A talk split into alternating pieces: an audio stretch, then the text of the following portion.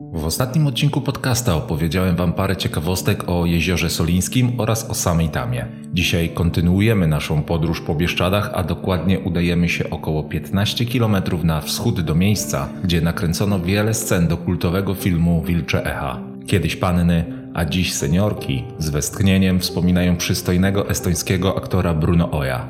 Zapraszam na spacer po ciekawych miejscach miasta, które jest jednocześnie stolicą Bieszczad. Dzisiaj opowiemy sobie o Ustrzykach Dolnych, a to jest kolejny odcinek podcasta Mam po drodze.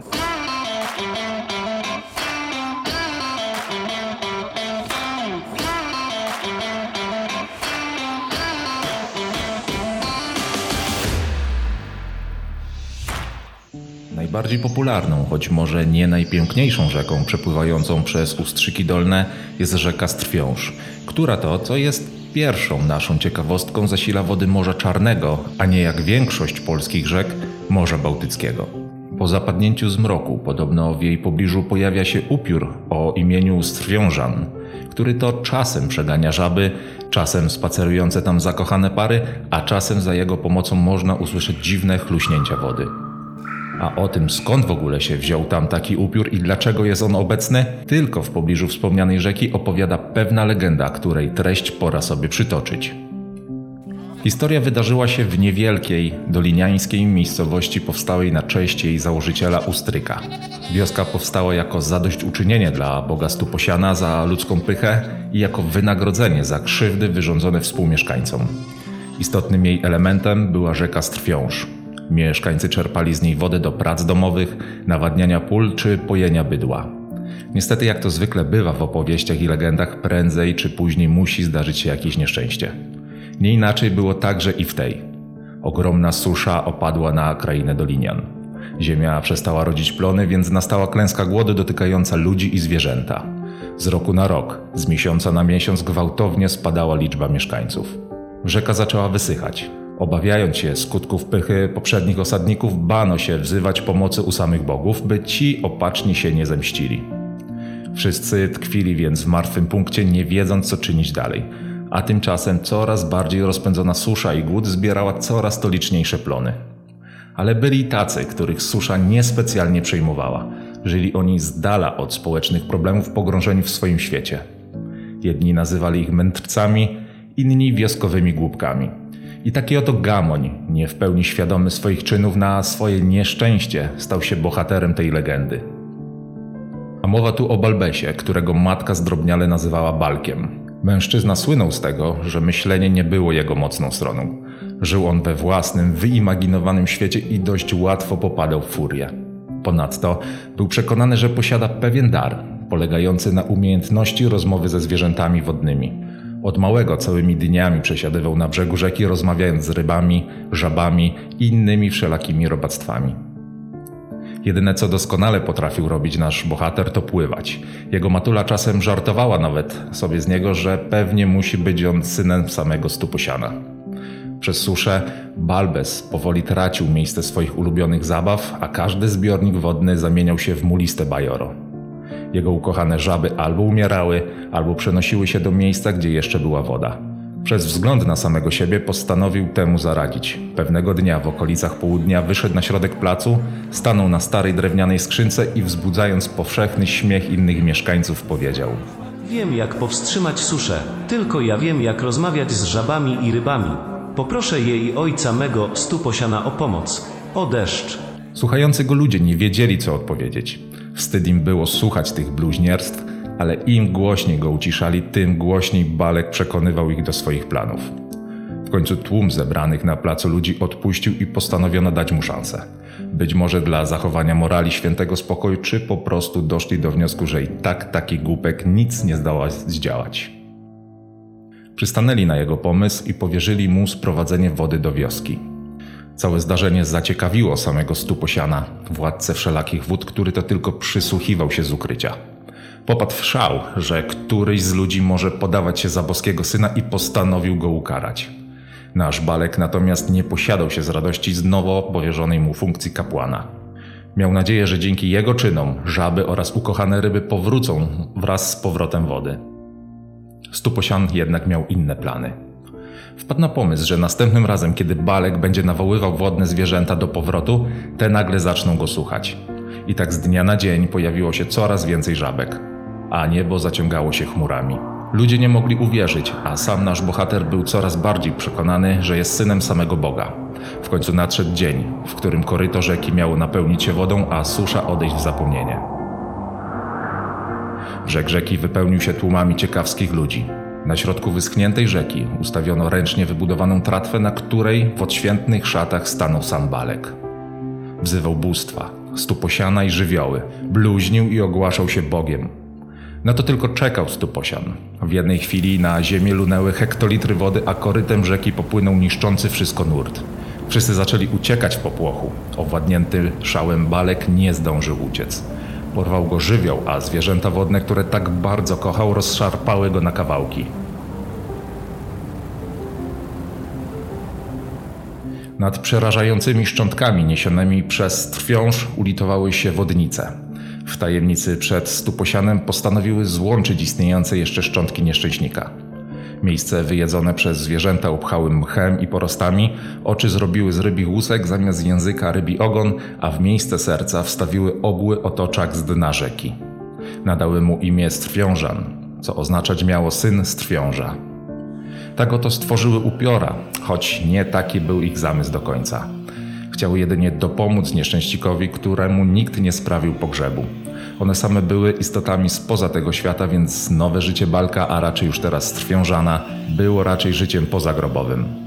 Tak oto upiór po dzień dzisiejszy brodzi nocami wzdłuż rzeki, szukając ukojenia i swojej zapłaty za przywrócenie wody wiosce.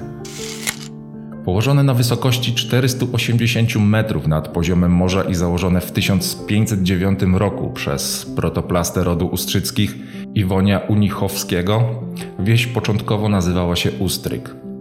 Wioska leżała u zbiegu dwóch wtedy jeszcze bezimiennych strumieni, a mieszkańcy nazywali ją po staropolsku Us, czyli ujście, i Żyk, czyli rzeki. Stąd nazwa Ustrzyki, czyli ujście rzeki.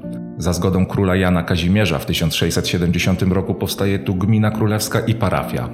Od tego momentu nastąpił bardzo szybki rozwój miasta, głównie dzięki licznym szlakom handlowym i kupcom żydowskim, co zaskutkowało prawami miejskimi nadanymi w roku 1727. Po pierwszym rozbiorze Polski Ustrzyki Dolne znalazły się pod zaborem austriackim aż do 1867 roku. Brak niepodległości nie przeszkodził w dalszym rozwoju miasta. Powstawały linie kolejowe, m.in. z Budapesztu do Przemyśla i Lwowa. Mocny impuls gospodarczy przypada na XIX wiek. Powstają pierwsze rafinerie, z których wydobywana ropa naftowa była bardzo bogata w elementy wykorzystywane w kosmetologii, a nie tylko w motoryzacji. Miasto staje się mieszanką wielokulturową. Spokój i harmonię, tak jak i w wielu innych miastach, nagle przerywa wybuch I wojny światowej. Już w 1916 roku dochodzi do pierwszych wyniszczających walk z Ukraińcami, którzy to pragnęli utworzyć przyczółek przyszłego państwa. Polacy zaciekle bronili swoich ziem i odnosili przy tym wiele zwycięstw.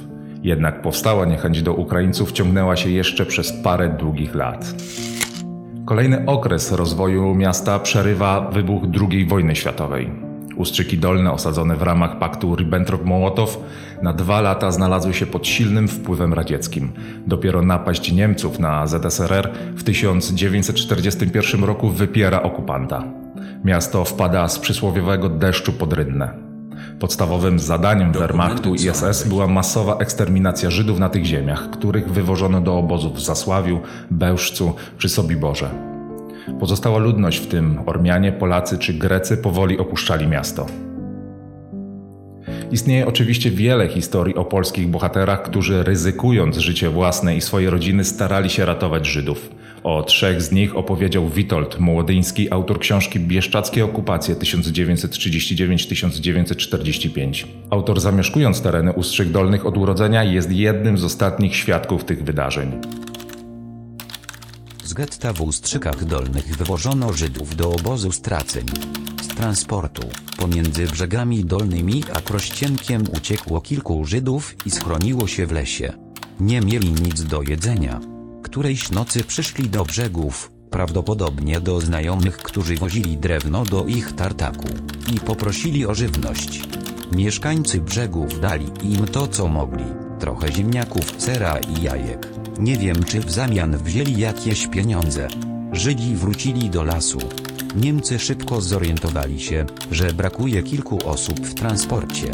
Była zima, więc po śladach mogli się przekonać, w którym miejscu więźniowie wyskoczyli z pociągu i bez większej trudności dotarli do kryjówki w lesie. Przy uciekinierach była żywność, otrzymana od mieszkańców brzegów. Rozpoczęło się śledztwo, pytanie o pochodzenie żywności. Niemcy zażądali, by zaprowadzić ich do tych, którzy udzielili zbiegom pomocy. Przypuszczalnie ze strachu albo z nadzieją, że ocalą życie, zaprowadzili żandarmów do dwóch domów. Niemcy zabrali wszystkich uciekinierów i gospodarzy, wraz z rodzinami, potem wywieźli do obozu zagłady. To był właściwie kres naszej pomocy, bo wiedzieliśmy, że za to grozi kara śmierci. Niemcy rozstrzeliwali Żydów w lutowiskach. Była tam młoda Żydówka, która upadła do dołu wraz z zabitymi, a została jedynie lekko ranna. Ocknęła się kiedy już nikogo nie było, naga wydostała się z rowu i uciekła do chmiela. Tam pomógł jej ksiądz. Uratował jej życie. Co się z nią potem stało, nie wiadomo. Nikt o to nie zdążył zapytać, a ksiądz po wojnie stamtąd wyjechał. Trzecia opowieść dotyczy pomocy, jaką Żydom udzielały zakonnice i księża w tzw. ochronkach. Nie wiadomo ile dzieci rodziny żydowskie ukryły w przedszkolach prowadzonych przez polskie zakonnice i księży. Do ochronki w Ustrzykach Dolnych prowadzonej przez zakonnicę pewna pani pochodzenia żydowskiego aż z Lwowa przywiozła córeczki. Zakonnice nauczyły dzieci modlić się i całą wojnę je ukrywały. Pod koniec wojny za frontem armii radzieckiej szły organizacje żydowskie. Dziewczynki zostały zabrane. Zakonnice wyjechały, mówiono, że do starej wsi, ale nikt o nich nie pisał i nikt nie udokumentował tego, że one narażały życie chroniąc żydowskie dzieci. Takich przypadków może być więcej. Ani one, ani nikt w ich imieniu nie posadził w Izraelu drzewka pokoju. Jedna z tych uratowanych Żydówek po latach, będąc już na emeryturze przyjechała z Izraela do Ustrzyk dowiedzieć się czegoś, zobaczyć to miejsce w którym przeżyła wojnę. Tymczasem Ustrzyki całkowicie się zmieniły po okupacji sowieckiej. Rusinów wysiedlono natomiast osiedlono tam nową ludność, która nie była zainteresowana by sięgać nawet do najnowszej historii. Nikt nie wiedział, że tutaj ocalały dwie małe Żydówki i że opiekowały się nimi zakonnice narażając swoje życie. Starsza pani z Izraela pytała o jezioro przy którym była ochronka. Powiedziano jej, że w Ustrzykach nie ma jeziora. Urzędnik, który z nią rozmawiał nie zdawał sobie sprawy, że dla małej dziewczynki jezioro to były stawy nad rafinerią. Tam mieściła się ochronka.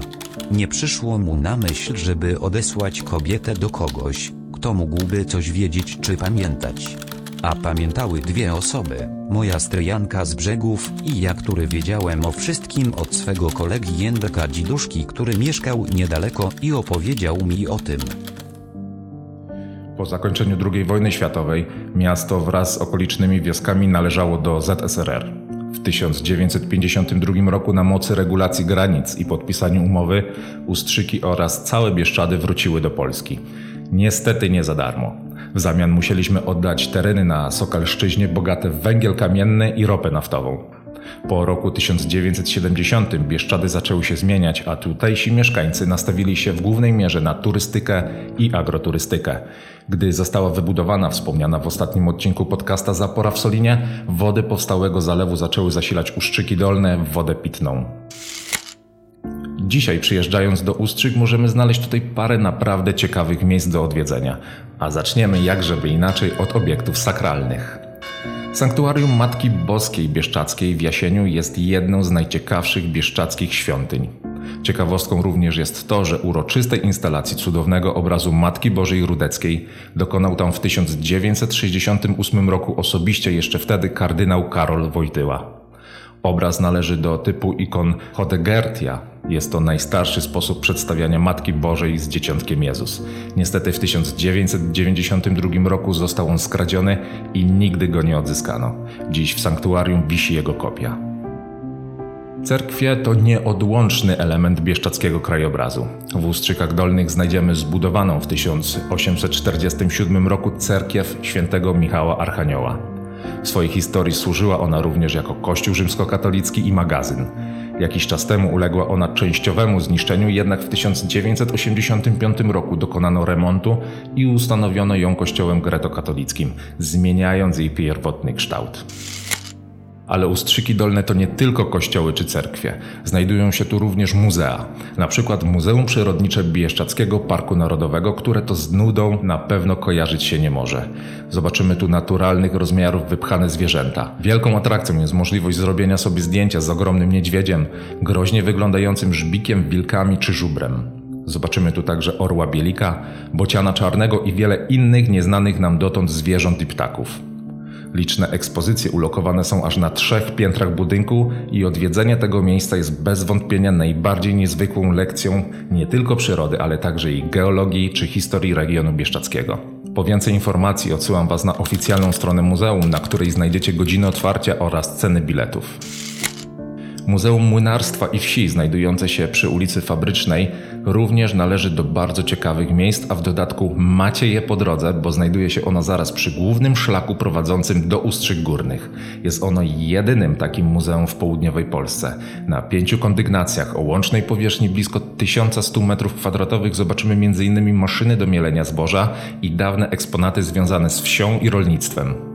Po zakończeniu zwiedzania możemy uraczyć się pyszną kawą serwowaną w tutejszej kawiarni i odpocząć przed dalszą podróżą. Ustrzyki Dolne, tak jak i większość miast, posiada swój rynek. Ten tutaj może nie należy do największych, ale bez wątpienia ma swój niepowtarzalny klimat. Odwiedzając miasto, koniecznie musicie odwiedzić to miejsce, zakupić pamiątkę i udać się nad brzeg rzeki Strwiąż, nad którą to, jak wspomniałem wcześniej, kręcono sceny do popularnego filmu Wilcze Echa, a dla osób, które chcą przekonać się, czy opowiedziana przeze mnie legenda posiada w sobie ziarenko prawdy, zapraszam na spacer w to miejsce po zapadnięciu zmroku. W pobliżu Ustrzyk znajdowało się również szybowisko, na którym szkoliły się asy z pamiętnego dywizjonu 303 walczącego w bitwie o Anglię. Było ono największym lotniskiem szybowcowym w międzywojennej Polsce. Niemcy wkraczając na jego teren przejęli ponad 744 maszyny i bogaty materiał szkoleniowo-pilotażowy. Po wojnie lotnisko straciło na znaczeniu ze względu na zasadzone specjalnie liczne lasy, które zakłócają panujące tu wcześniej doskonałe warunki lotne. W końcu zdecydowano o jego bezpowrotnym zamknięciu. Pod koniec kwietnia 2018 roku, w myśl ustawy o dekomunizacji, z polskich dróg zaczęły znikać tablice upamiętniające żołnierzy, którzy w latach 50. i 60. budowali bieszczackie drogi. A są to przepiękne trasy widokowe, bogate w wiele zabytków i atrakcji turystycznych. Warto dodać, że w budowie tych dróg uczestniczyła Śląska Jednostka Wojskowa Wojsk Inżynieryjnych 4 Korpusu Bezpieczeństwa Wewnętrznego i to właśnie tę jednostkę upamiętniały usunięte tablice. Byłam świadkiem tego, jak budowali drogę z Czarnej do Polany. Dla mnie to, co się dzieje, to jest skandal. To nie jest pamięć narodowa, tylko fałszowanie historii. Widziałam, jak pracownicy zarządu dróg wojewódzkich usuwali polańską tablicę i mówili, że to nakazem z IPN w ramach dekomunizacji. I z tą wypowiedzią jednej z mieszkanek Polany zostawiam Was do następnego odcinka podcasta Mam po drodze, który to już tradycyjnie ukaże się w najbliższą niedzielę o godzinie 18 na wszystkich największych platformach, takich jak Anchor, Spotify, iTunes, Overcast czy Google Podcasts. Tymczasem trzymajcie się ciepło i jak zwykle życzę Wam turystycznie udanego weekendu.